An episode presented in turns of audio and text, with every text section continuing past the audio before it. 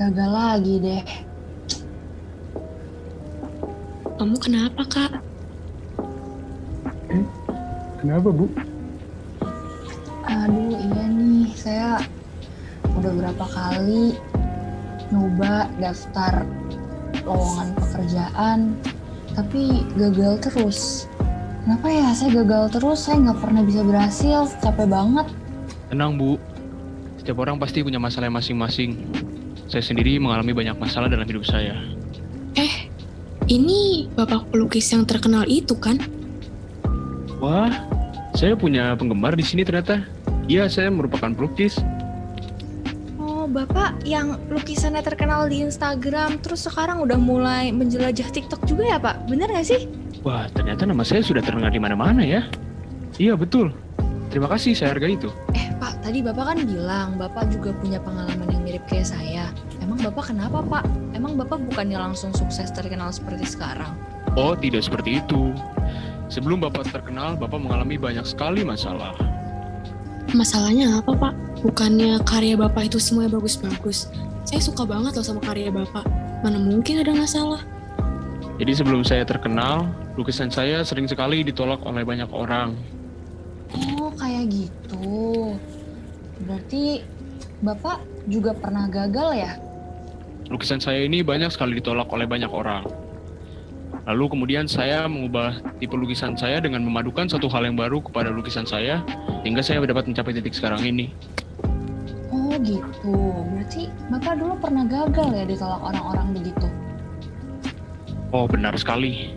Bahkan anak saya sampai hampir putus sekolah karena saya tidak mampu membayarnya. Itu adalah titik terberat dalam hidup saya. Padahal bapak cuma berusaha untuk keluar dari zona nyaman. Tapi justru berdampak sampai ke anak bapak ya. Betul. Orang lain banyak sekali yang bilang, Bapak ini tuh lebih baik ganti pekerjaan. Tapi saya, saya tidak mendengarkan kata-kata mereka. Saya tetap memutuskan untuk di jalan saya. Pasti berat banget ya.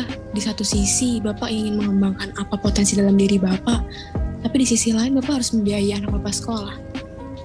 Terus kalau boleh tahu Pak, gimana sih caranya buat bangkit dari segala keterpurukan itu? Pasti nggak mudah kan Pak? Boleh nggak bagi kita tips? Dalam hidup ini, memang banyak sekali masalah yang kita hadapi. Tapi dari pengalaman hidup Bapak yang telah saya jalani, Bapak belajar bahwa semua orang itu punya porsinya masing-masing. Kita tuh gak harus jadi kayak orang lain.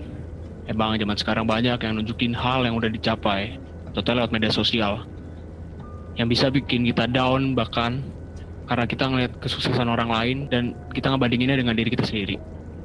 Tapi kita juga tetap bisa keren dengan kemampuan kita sendiri. Misalkan, kalau kita nggak pintar bicara, tapi kita pintar bikin lagu. Kalau semua orang itu sama aja, hidup ini ngebosenin.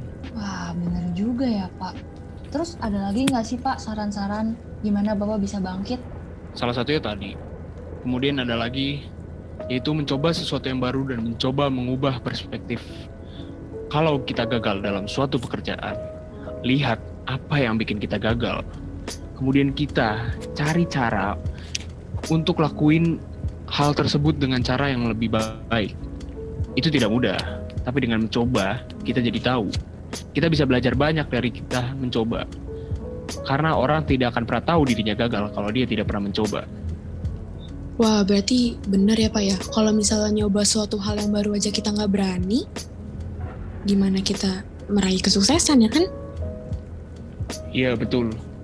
Dan untuk mencoba sesuatu yang baru itu memang perlu banyak pengorbanan. Contohnya dari segi waktu. Kita banyak menghabiskan waktu untuk mencoba hal yang baru yang belum tentu kita bisa dengan mahir melakukannya.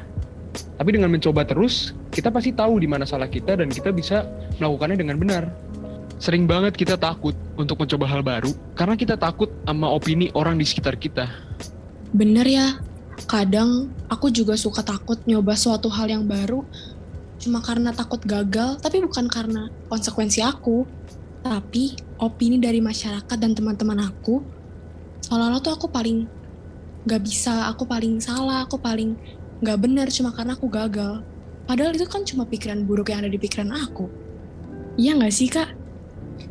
Iya ya, bener banget. Emang kadang-kadang pikiran negatif kita ini yang jadi penghambat.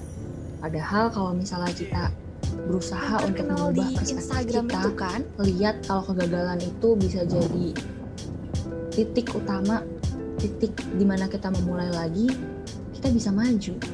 Bener nggak sih kayak gitu? Betul sekali. Karena dalam hidup ini ada yang namanya tolak ukur kesuksesan. Sebenarnya kita bisa ngartiin kesuksesan itu sendiri apa sih? Apakah kalau cuma berhasil bangun tidur di pagi hari itu bukan suatu kesuksesan? Itu jelas kesuksesan, karena kesuksesan bagi tiap orang tentu beda. Maka dari itu kita harus belajar sadar kalau baby steps atau langkah kecil yang kita lakukan itu adalah bagian dari sebuah kesuksesan.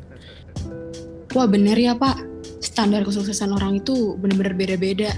Ada yang banyak uang, banyak karya, tapi ada juga yang sekedar bikin orang bahagia aja udah sukses.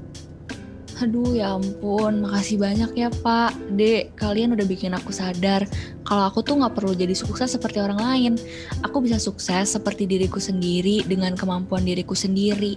Aku nggak perlu coba daftar lowongan pekerjaan ini itu karena dipaksa. Aku bisa aja coba bikin sesuatu yang aku suka, lakuin sesuatu yang aku suka. Masalah opini orang lain tentang apa yang aku kerjain, aku harus jadiin itu kekuatan memang sih bakal ada yang ngata-ngatain aku, bakal ada yang ngomong jelek tentang aku, tapi aku harus coba hal baru terus menerus. Yang pastinya yang bisa bikin aku jadi lebih baik lagi. Kalau misalnya ada orang-orang yang ngomong jelek tentang aku, sebenarnya tentang perspektif aku aja nggak sih? Gimana aku mau berenang lewatin itu semua, atau aku mau tenggelam di dalamnya? Makasih ya, Pak, Dek, kalian udah nyadarin aku. Kalau misalnya aku gagal, aku harus coba lagi, aku harus bangkit lagi. Aku juga pernah dengar nih kak, ah, satu quotes dari Franklin Roosevelt. A calm sea can never made skilled sailors. Kalau nggak ada tantangan, kita nggak akan jadi orang yang hebat. Wah, kebetulan sekali. Itu adalah salah satu quotes favorit saya. Semangat ya, Bu. Kamu juga, Dek. Jangan patah semangat ya. Terima kasih Fighter sudah mendengarkan podcast AHAI episode 2 kali ini. Inspirasi cerita yang kita angkat pada episode kali ini disadur dari kisah penulis novel terkenal yaitu J.K. Rowling. Semoga kita bisa menjadi pelaut yang hebat ya. Bye-bye!